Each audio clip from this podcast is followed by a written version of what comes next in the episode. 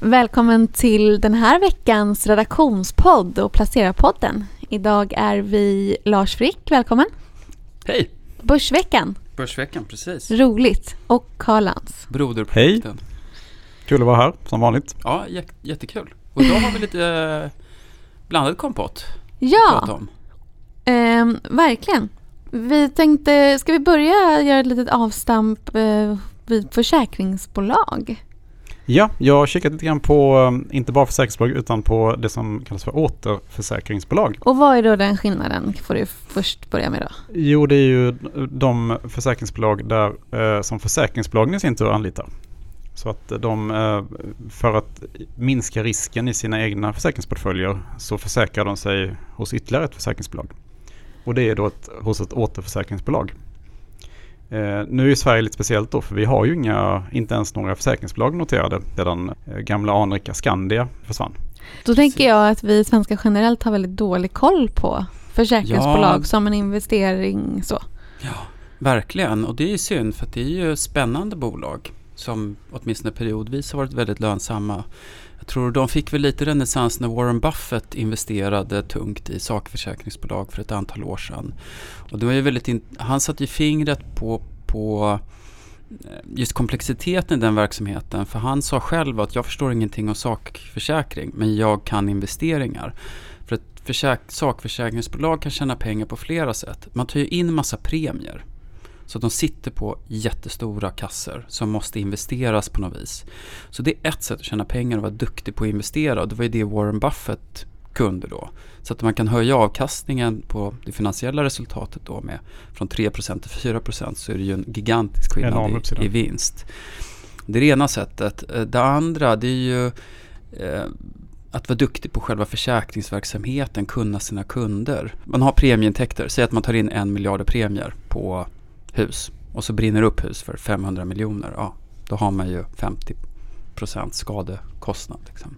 Så man är duktig på att hitta hur ska vi försäkra, hur ska vi prissätta premier, kanske också att hitta incitament för, för kunderna att till exempel ha bättre lås på ett hus eller installera larm eller brandlarm och sådär så sjunker skadorna. Så det är det andra och det tredje är liksom det vanliga att vara en effektiv rörelse, att man har inte för mycket rörelsekostnader helt enkelt. Så att det är väl de tre benen. Och det är också väldigt räntekänsligt för att sakförsäkringsbolag kan ju inte gambla med kundernas pengar för de ska ju användas för att betala ut och täcka skador. Så att det är ganska hårt reglerat, man, man får investera i obligationer och så vidare. Så det är en väldigt räntekänslig eh, verksamhet kan man nog säga. Och återförsäkring då, det är ju, det är ju också jättespännande för att man kan ju i princip återförsäkra hela sin verksamhet som försäkringsbolag. Men det gör man ju ingen vinst heller. Så det är ju en liten trade-off. Att tar man mera risk så kanske man inte har någon återförsäkring alls. Precis. Och så får man hitta en balans då mellan hur mycket vill vi tjäna. Så jag antar att återförsäkringsbolagen, det de möter, det är liksom den globala systematiska risken. Det man inte kan diversifiera bort. Så det antar jag är lite grann ett späck på till exempel nu i dessa klimattider att det inte är så mycket fler skogsbränder än tsunami som vanligt för då blir det dyrt. Ja, det är ju en av eh, tankarna som väcks då när man tänker försäkringsbolag. Mm. Mm, att det kan vara hög risk kanske i framtiden, Mm. eller högre risk. Ja. Mm, också. Ja, Men det kan ju också leda till att många försäkringsbolag kanske ökar återförsäkringsandelen och då tjänar ju återförsäkringsbolagen mera pengar. Så att det är ju gungor och karuseller liksom. Alltså det man ser just nu i alla fall, jag tittade på då de största försäkringsbolagen, framförallt eh, eh, Munich Re då, som är världens största återförsäkrare. Eh, deras affärer går ju blomstrande just nu. Mm. men De- vad är då, varför skulle man välja en återförsäkrare framför ett, försäk- ett försäkringsbolag? Du menar som aktieinvesterare? Ja, Försäkrings relativt trygg investering och sådär. Och kanske en återförsäkrare Mm. då kanske är en ytterligare lite tryggare. För att det är lite längre ner i, högre upp i kedjan. Precis, om man tar till exempel i Norden så har vi Storebrand, eh, det finns Trygg i Danmark och så vidare. Eh, finanskonglomeratet Sampo, Sampo. i Finland. Eh, Med och- If Ja, och det är ju lokala marknader så att vill man ha mm, exponering mot Skandinavien så är väl Storebrand bra. Men vill man ha exponering mot världen och den här systematiska risken Precis. då är ju Munich RE det man ska äga. Liksom. För att till exempel Munich, eh, Munich Re då, det var ju, de var ju globala redan, redan efter att, kort efter att det grundats då. Just. Till exempel var det då den här jättestora jordbävningen i San Francisco 1906. Så eh, var ju Munich Re det enda återförsäkringsbolag som var solvent då efter eh, skadorna hade reglerats. Mm. Och då förstördes ju 80% av San Franciscos innerstad. Det var ju en enorm katastrof. Mm. Det var ju lite deras claim to fame då att de, eh, då tog de mycket marknadsandelar efter det globalt. Ännu mer globalt. Mm. Ja, det är jättespännande. Så att Ja. det, och det tycker jag är en så kul bransch som är väldigt lärorikt. Och då och då kommer det ju rapporter. Då beskriver de ju sin verksamhet. Och det de beskriver är ju vad händer i världen. Så att man kan lära sig ganska mycket av försäkringsbolag. De är ju duktiga på att hitta risker och prissätta risker och lyfta fram dem. Men att- eh, vad kommer räntan in i det här? Som du sa, det är, Det är ju det här med investeringarna då. Vi vet ju kanske ungefär hur det funkar i traditionell försäkring. Att Mm. det har varit ett väldigt stort problem till Mm. exempel. Eh, men det här är ju, alltså hur... Det är avkastningen på det de investerar. Ja, Så att eh, i och med att de kan inte äga så mycket aktier då, för det är Nej. lite för riskabelt, då måste du äga räntepapper. Och om det är en stor andel av inkomsten så kommer ju avkastningen på räntepapper att vara en drivkraft i, i sakförsäkringsbolagens resultat. så det här det ligger ju dem i fatet med andra ord. Ja, men ändå så är det en intressant sektor. För att vad är det som liksom ligger låg- i andra delen av det är vägskålen då? Låg, risk, stabil verksamhet. Stabil Det är som- verksamhet och, och, och ofta, så, alltså ofta är det ju utdelningsinvesterare då som Visst. brukar tycka om de här aktierna. Det, det som händer ofta i branschen då, om man tittar över längre tid, det är att, eh, i varje fall historiskt har det varit lite grann som ett, man tänker sig som ett sånt här fabrikstak, ni vet, det är rakt på ena sidan går upp och sen så sakta så sjunker det ner igen och så går det upp. Och vinsterna generellt i sektorn har fått lite sånt mönster, för det blir ofta sådär att när marginalen är lite pressad eller när man känner att marknadsförutsättningarna är okej. Och det är nog oligopolmarknader, då görs premiejusteringar och det görs det ofta hela branschen. Och då blir det i ett snäpp lite dyrare med allt bilen och huset och ja, vad man nu försöker. Och sen krigar man lite grann om kunder och då eroderar lönsamheten. Så med några år har man ju de här liksom pucklarna. Så att det kan ju också vara så att vi är på väg in i en sån, om det är stora premiejusteringar i marknaden så kommer vinsterna gå upp. Sen tror jag det här är intressant, det är lite långsökt kanske, men det pratas ju mycket om AI och andra sådana här buzzwords i branschen. men är det någonstans eh, där det här verkligen skulle kunna göra nytta så tror jag det är bland annat i försäkringsbranschen att med med vassare algoritmer så Alltså så här får man machine learning och för Ja, att precis. förbättra statistiken Ja, helt enkelt. En gammal sanning i den här branschen är att en, en gammal kund är en lönsam kund. För då har du ju försäkringshistoriken. Om jag har haft Trygg-Hansa i 20 år, då vet de ju ungefär hur jag beter mig. Var femte år så pajar en ruta och sen en dammsugare och så cykeln blir stulen och sådär. Nya kunder är ju liksom per definition okänd materia. Så att de är ju svåra att prissätta. Så att ju bättre man blir på det, man kan hitta data, big data på något vis. Var man bor, vad man har för ålder, vem, ja, vad vet jag liksom. Då, då För blir det, det är bra för branschen. Mm. Det blir, Man, man skulle kunna säga att försäkringsbranschen kan ju vara det här, en lågt hängande frukt då när det gäller maskinlärning. kanske. ja, faktiskt. Eh, och det här skulle kunna vara en bransch där lönsamheten kanske kan öka ganska mycket när eh, Ja.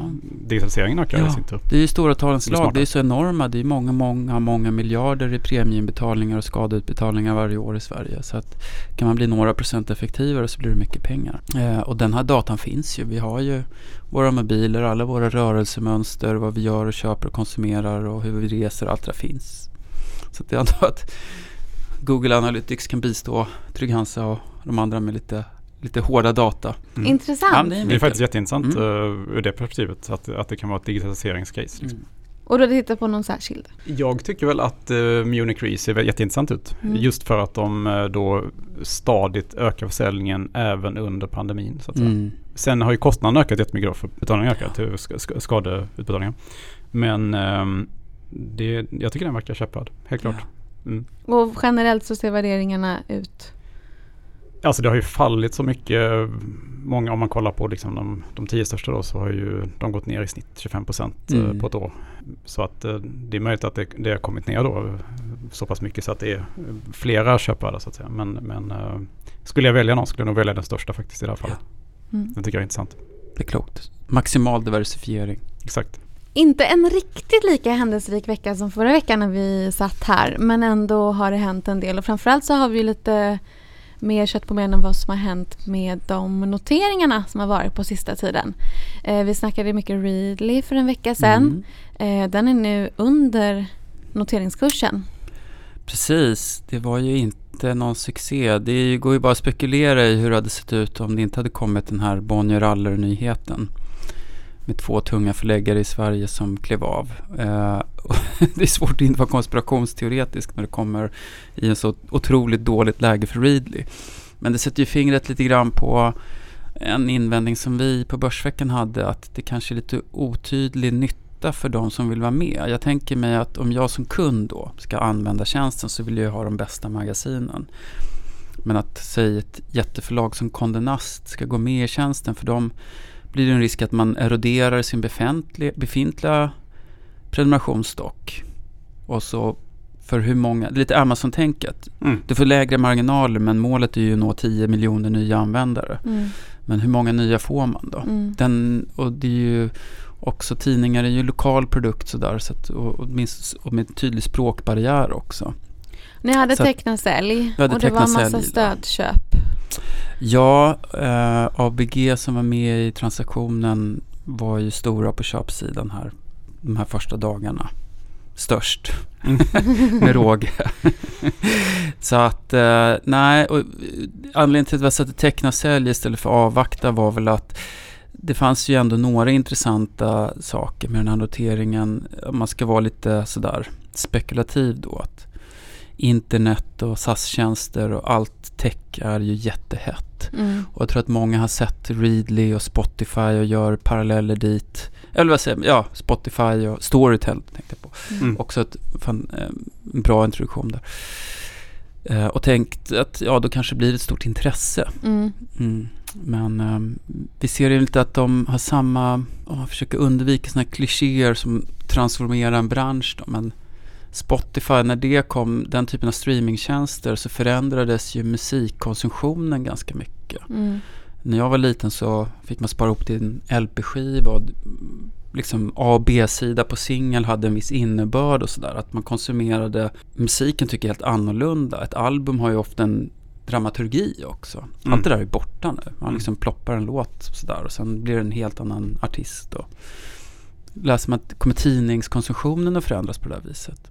Jag är lite statisk så jag har lite svårt att se sådana förändringar. Man kan ju tänka mig i och för sig att om 30 år kanske man inte ser tidning som en sammanhållen produkt med en inledning. Du läser som, enstaka artiklar. Att man tar ja. enstaka artiklar då. Inte perm till perm. Och det som hände både Amazon och Spotify det var väl att deras algoritmer blir bättre och bättre. Gillar du den här så kommer du förmodligen gilla den här andra grejen också.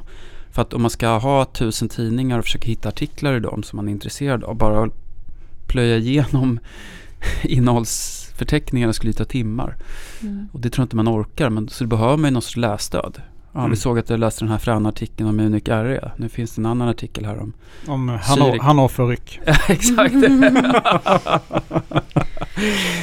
ja, så att Readly, vi får väl se liksom. Det, nu är det, tror jag lite både de här avhoppen från, och det ska ju sägas då att Readly är ju ett globalt för De har ju försäljning, de tre stora marknaderna står för 70 procent tror jag, eller var det 85 procent av omsättningen. Men det, de finns i många länder. Sverige är viktigt men inte avgörande.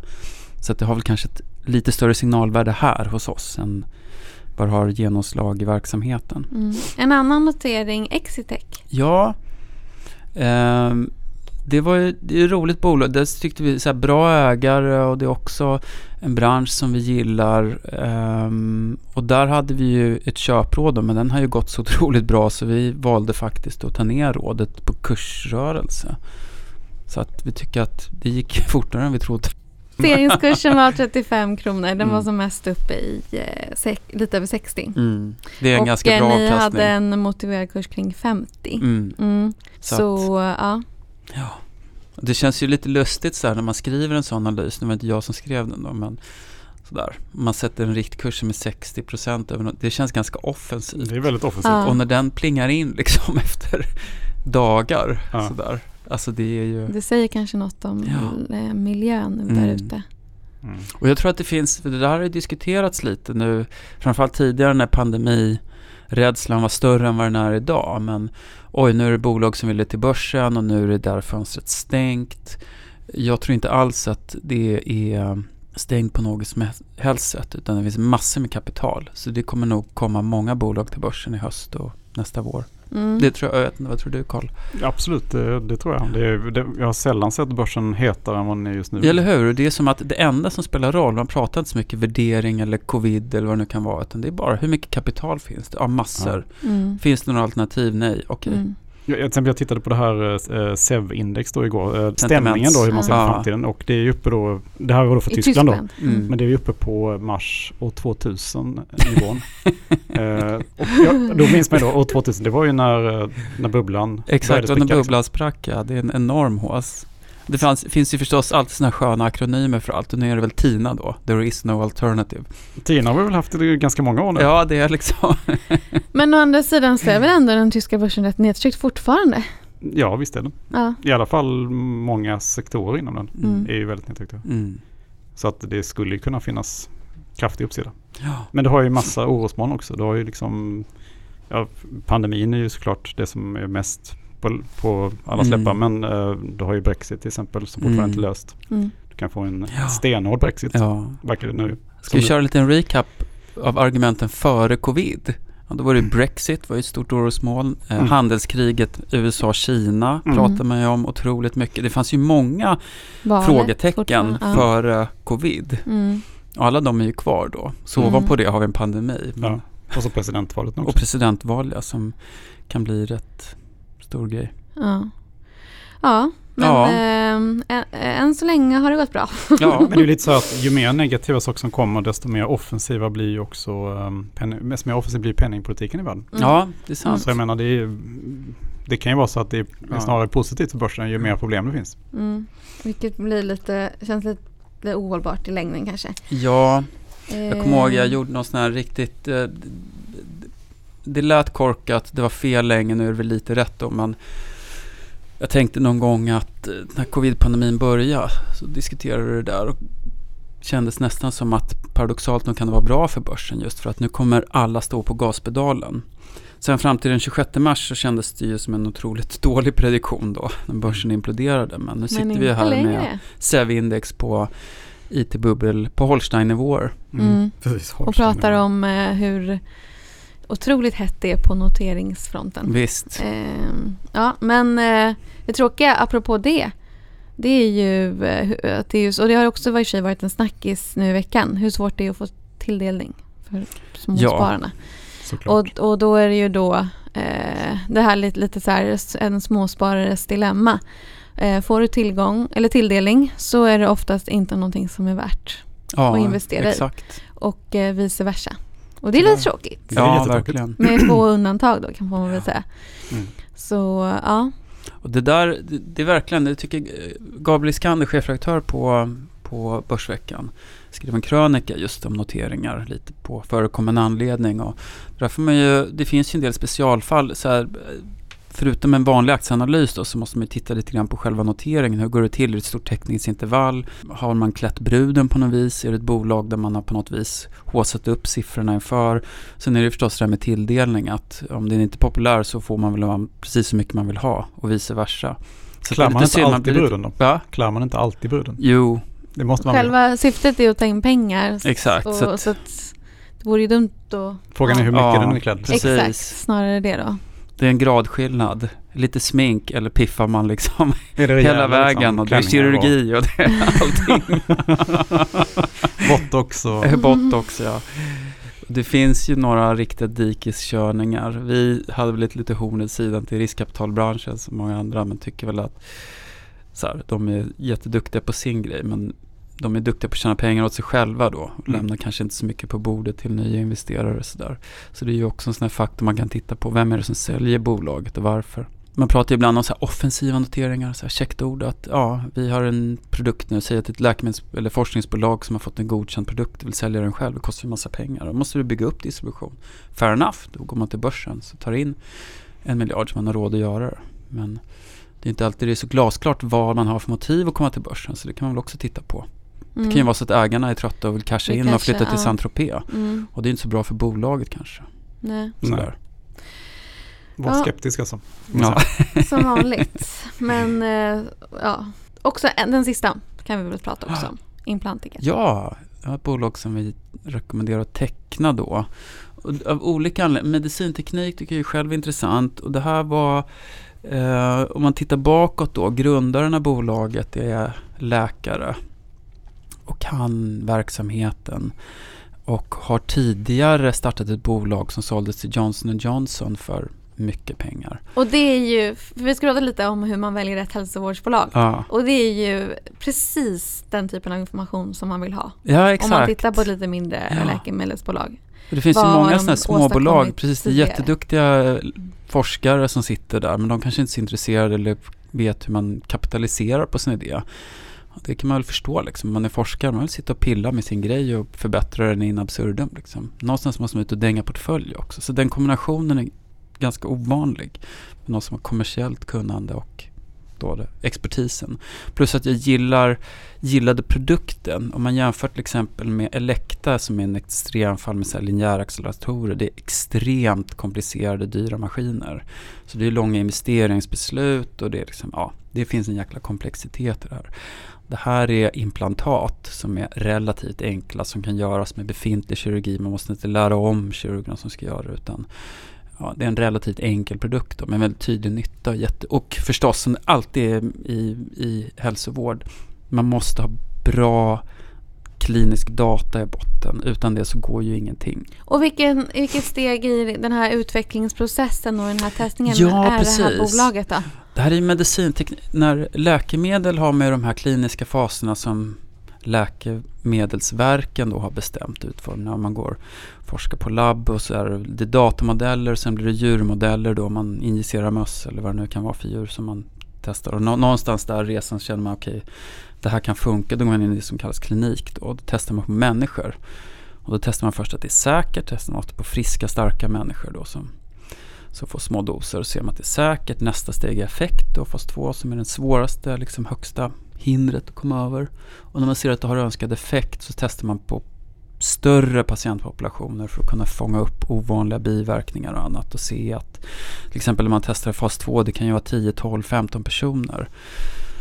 Och det kan finnas genetiska skillnader. En del patientpopulationer eh, kanske har enzym som funkar på ett annat sätt än en annan grupp och sådär. Det blir väldigt känsligt med så få människor. Det blir inte så robust. Då kanske måste testa på 300-400 åtminstone, eller ännu fler då, beroende på vilken typ av läkemedel det är. Medicinteknik är lite annorlunda men det, det finns någon liknande dynamik så att man måste få de här CE-märkningar, att det ska vara säker och funktionell och så vidare. Men där är väl utmaningen för ett läkemedelsbolag när du väl har ett läkemedel som är godkänt och som är bättre än något befintligt då, Mm. i någon bemärkelse, bättre effekt, färre biverkningar. Då når man nästan full marknadspenetration momentant. Liksom. Pang, du är inne på listan och då börjar det förskrivas direkt. Och då är det ju nästan så här att om en läkare inte förskriver det måste de ju motivera för patienter och andra varför skriver jag ut ett sämre läkemedel än, ja, sådär, än det som finns. Då. Så man tar marknadsandel otroligt fort i läkemedel. Medicinteknik är ju inte så. Bara för att en produkt finns måste man ju inte använda den. Så att det är ofta en längre kommersiell fas. Att du måste ut i kliniker, visa upp produkten, övertyga kunder. Och då handlar sådana saker som måste läkare lära om procedurer för att använda den. Så kan det det är en rätt stor broms då. Men här är, här är jättebra resultat. Och man har redan försäljning, det tyckte jag också var bra. Att det är, en, det är liksom bevisat kommersiellt. Så det de tar in pengar för nu det är ju att kunna satsa och verkligen kommersialisera den här produkten. Och många av de här, du sa det är svårt att, att få till distributionen och Ja. få till försäljningen. Ja, Eh, många av de här bolagen ingår ju partneravtal. precis. Och, och vad, som investerare, hur ska man tänka kring det då? Ty, Ja, du? precis. Ta bort lite av... Eh, Det, är- det är, en, det är en lite mer lågrisk alternativ. Till exempel om man ska sälja någon medicinsk mojäng som har med strålknivar att göra. Något bälte till den här bårbritsen man ligger på till exempel. Och då är det väl kanske bra att ingå partnerskap med någon som redan levererar till dem. Istället för att bygga upp en egen säljstyrka med 100 säljare som ska åka runt i världen och sälja en liten grej. Eh, så att partnerskap är bra, men då gäller det också, det är lite som att få hyllmeter på ICA, man måste ju få utrymme. Och om jag som, som distributör har 20 produkter att sälja, så här, hur ska man då som en av de här 20 se till att just min produkt liksom ligger längst fram i väskan mm. när säljarna är ute och dänger portfölj? Så att det, det kan bli så att har man inte rätt partner då flyger det liksom inte. Och så, väl så en dedikerad vilken, cellstyrka det, det ger ju tydliga resultat men det är dyrt. Och så beror det väl på vilken um, typ av produkt det är också. Ja. Jag menar om det är eh, en väldigt, väldigt eh, specifik eh, maskin som bara Ja. används kanske på tre ställen i ett land. Precis. Då blir det ju inte exakt. heller lika svårt att liksom Och det pratar man också om med specialistläkemedel och sådär. Att om det är ett ögon, så att man ska operera gråstarr eller någonting. Det är specialiserade kliniker, det finns inte så många. Så att precis, då är det ganska effektivt. Då kan man ha en egen cellstyrka. Men är det ett blodtrycksmedicin, det går ju inte att besöka varenda vårdcentral i hela världen. Då. Så att precis, ju mer specialiserat det är, desto lättare. Och då pratar man ofta om så här key opinion leaders. Det är också en sån här koncept att säga att eh, Johns Hopkins i USA är bäst i världen på en grej. Kan du få dem att använda din mojäng? Ja, då blir andra läkare medvetna om det och så sprider det sig lite själv. Så det gäller att komma in på rätt platser. Då. Men du Lars, om, Ja. eh, bara om vi går tillbaka till Implantica då. Ja, Hur, ehm, den har ju gått väldigt kraftigt i sin ja precis. Vad, Eh, vad tycker du om aktien på den här nivån? ehm, det är klart, det har varit roligare att få tilldelning. Ja, precis. Eh, men den har stabiliserats där runt knappa hundralappen. Ja. Stabil- nu pratar vi dagar här så att det är kanske att ta i kort tid, ja. stabilisering. Men, men ändå. Men jag tror att eh, det här bolaget, eh, det kommer att vara ett ganska bra nyhetsflöde. Ehm, och jag tror att den kan man fortsätta upp härifrån också. Am- ambitionen är ju jättestora från Implantica. Idag står de på tre ben men de har väldigt breda patent och kan göra mycket mer. Så deras mål är att bygga en jättekoncern. Liksom. De har ett market på 10, drygt 10 miljarder just nu. Det är mycket Säkert. pengar. Mm. De gick in på... ehm, det är ju så A och B-aktier där. Det tycker jag är ett minus då generellt. Ehm, så att man ska ju inte räkna alla aktier till marknadsvärde då. Utan det är ju Nej. de här noterade.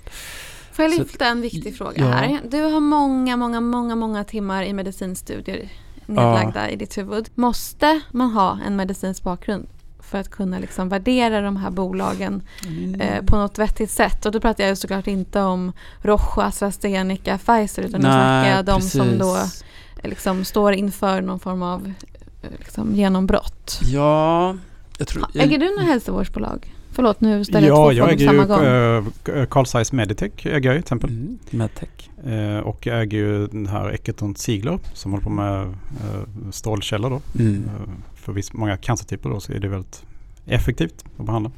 Så det är väl de två jag på rak arm vet att jag äger. Mm. Mm. Jag skulle säga att det underlättar, men det är ju lite skönt med medicinteknik. Att det är ändå det är så produkter som ofta är lätt, lättare att begripa. Det är ändå Ja. en, en grunka som ska säljas.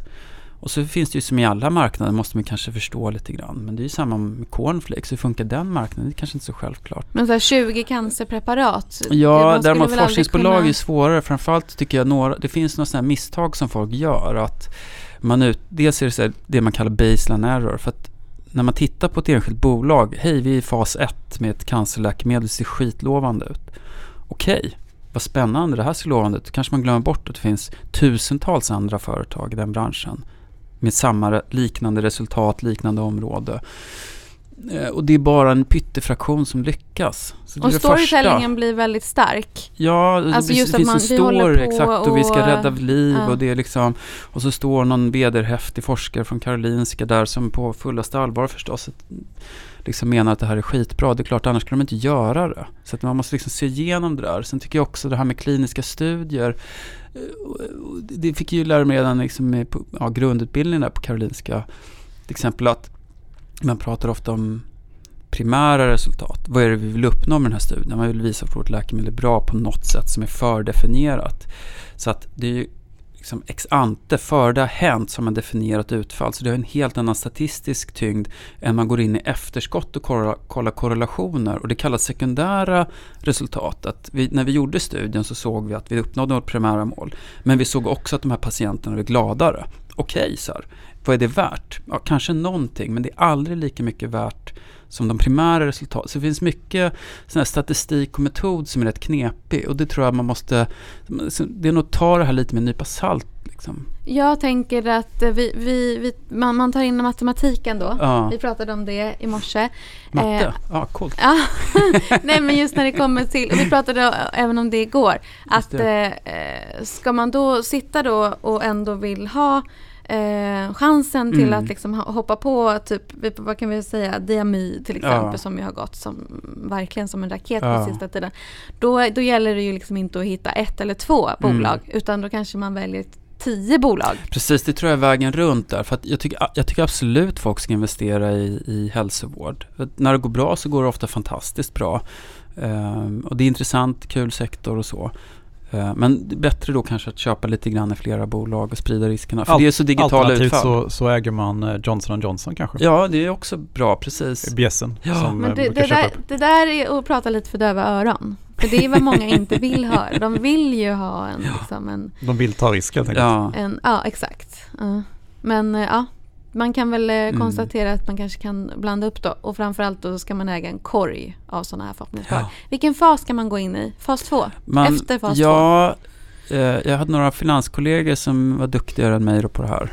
Eh, de gjorde någon studie och tittade på avkastningen i olika och kom fram till, studie ska jag inte säga, men de tittade var, hur mycket har de här När tillförs antal mest värde? bol tillförs mest värde. Fas 2 är den svåraste, där, där kommer ofta det stora språnget, men i och med att det oftast är där som flest fallerar så är det mest risk där också. För återigen i fas ett så ser man bara om det är giftigt eller inte. Säkerhet, Ingen effekt. precis. Ja. Hur tas det upp i kroppen?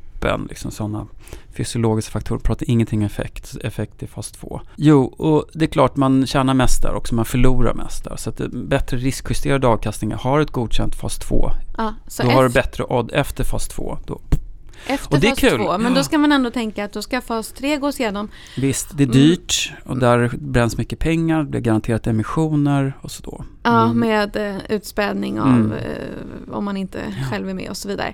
Eh, men det man också ska tänka på att bara för att fas 3 går bra då ska den dessutom godkännas vilket Mm. tar sin lilla tid och sen ska den också vara lyckosam rent kommersiellt. Ja, precis. Eh, jag intervjuade ju Mattias Häggblom i den här Ja. artikeln som jag har skrivit om just hur man väljer rätt hälsovårdsbolag. Ja. Och, och han tar ju upp det eh, exemplet att det är väldigt många hedgefonder som jobbar just på short the launch. Ja.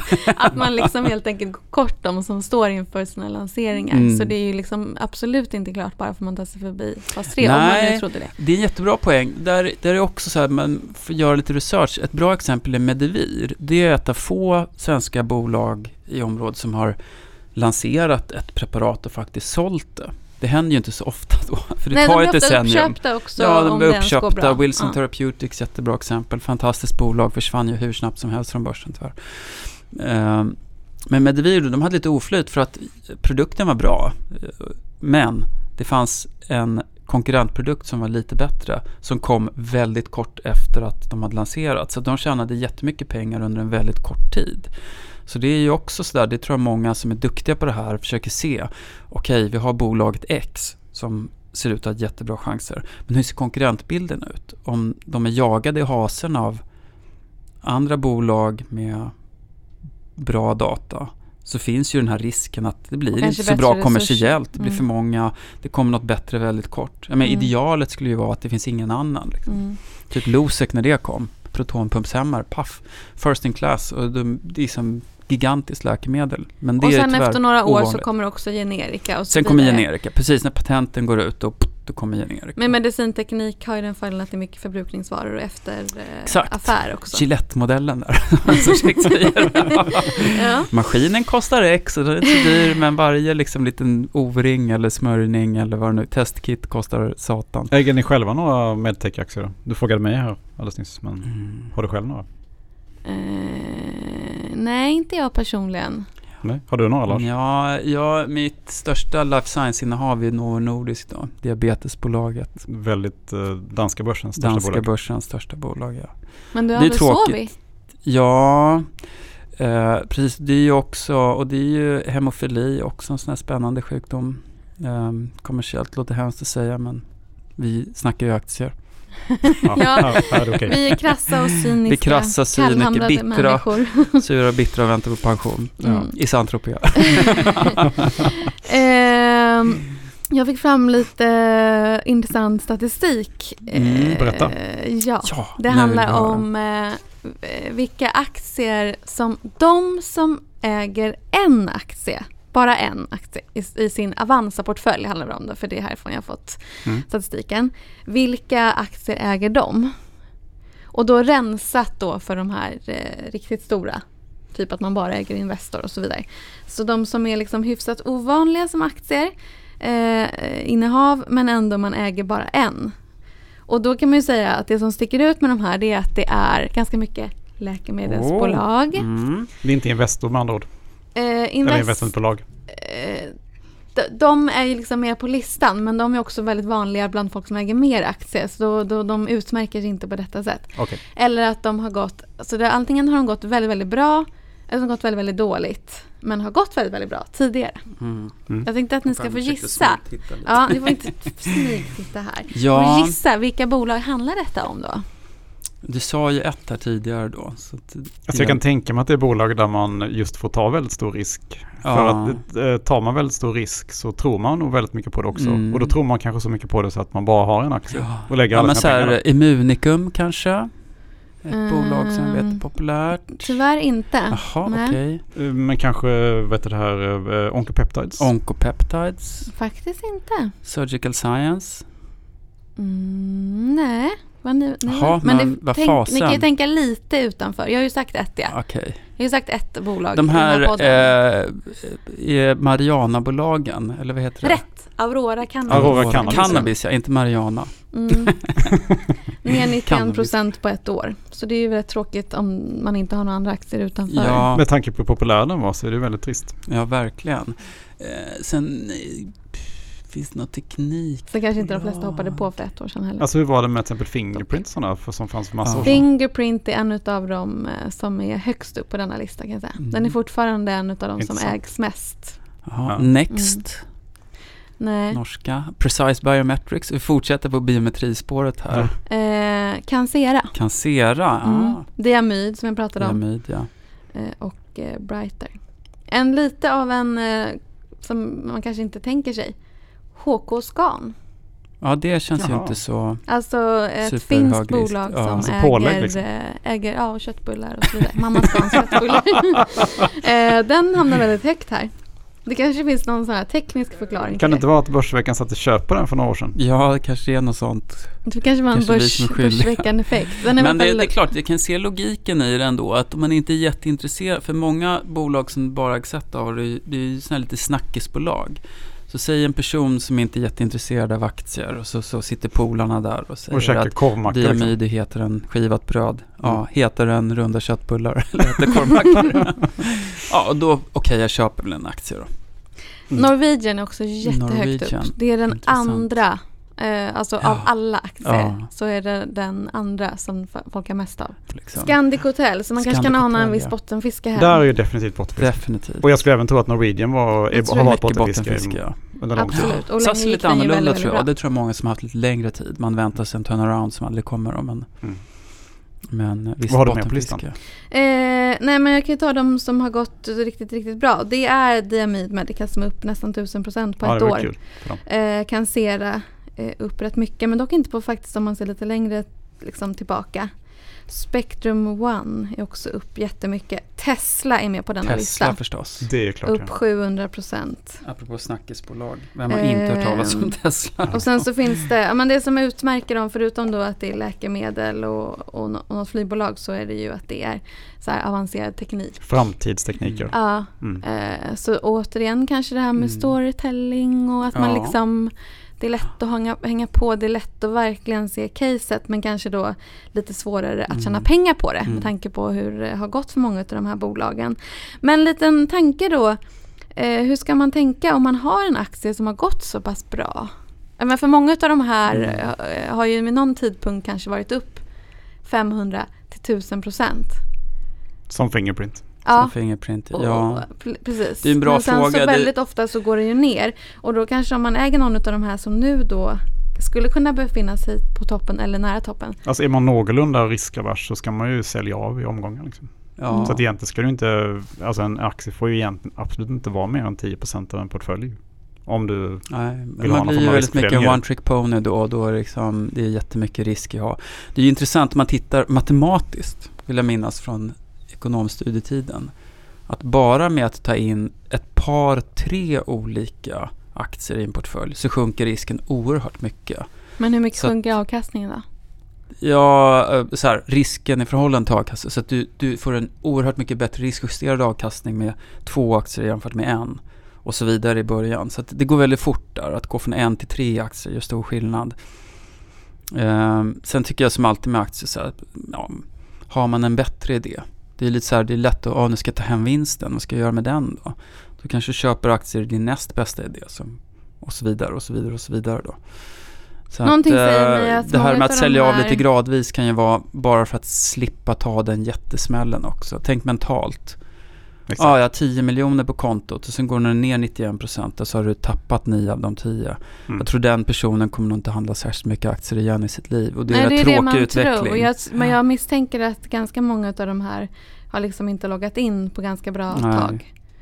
Eh, och, men däremot å andra sidan så tror jag att man kanske inte riktigt är alltid är så mottaglig då Nej, för precis. att kanske inte hoppa på Ja. eh, det här. Så, men... Jag tror eh, på Karls idé där. Men sälj lite gradvis och köp någonting annat. Och man, gillar man, vad vet jag, cannabisaktier och det är det enda man är intresserad av. Det finns ju flera aktier ofta inom samma sektor. Så det är också ett sätt att hålla sig lite smalare om man nu gillar det. Gillar man Norwegian då, då kanske man kan hitta något annat flygbolag som eller köpa Boeing. Man kanske köper Ryanair eller Ryanair. Wizz Air som Ja. faktiskt är aktier Ja. då som har ändå klarat sig ganska bra. Precis. Men jag tror att vi är klara. Yes, vi är klara. Vad trevligt det var att ses. Trevlig helg till alla som lyssnar också. Eh, stort, stort tack för att du var med eh, Lars och eh, ja, trevlig helg. Trevlig helg. Gött. Ciao. Ciao.